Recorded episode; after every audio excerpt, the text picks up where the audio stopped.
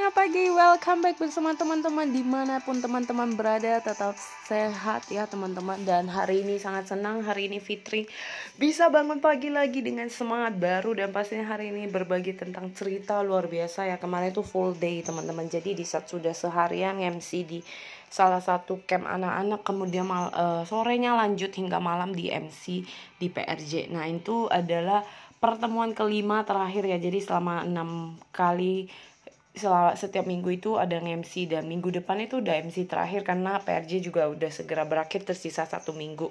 Jadi seru sekali sih teman-teman di mana uh, bisa banyak belajar hal-hal baru hal-hal positif dan semangat baru. Bahkan setiap MC itu ada sesuatu momen-momen yang berbeda-beda. Jadi ceritanya seru-seruan dan MC itu juga bukan hanya sekilas MC aja tapi gimana kita memberikan promo, kita menarik perhatian engage. Jadi di sini saya juga pribadi belajar sih ya melalui MC ini saya juga belajar melibatkan diri berkomunikasi untuk menarik perhatian orang, engagement, kemudian juga bagaimana belajar sales yang sudah saya belajar gitu ya untuk bisa dilakukan supaya orang tertarik dengan apa yang kita berikan.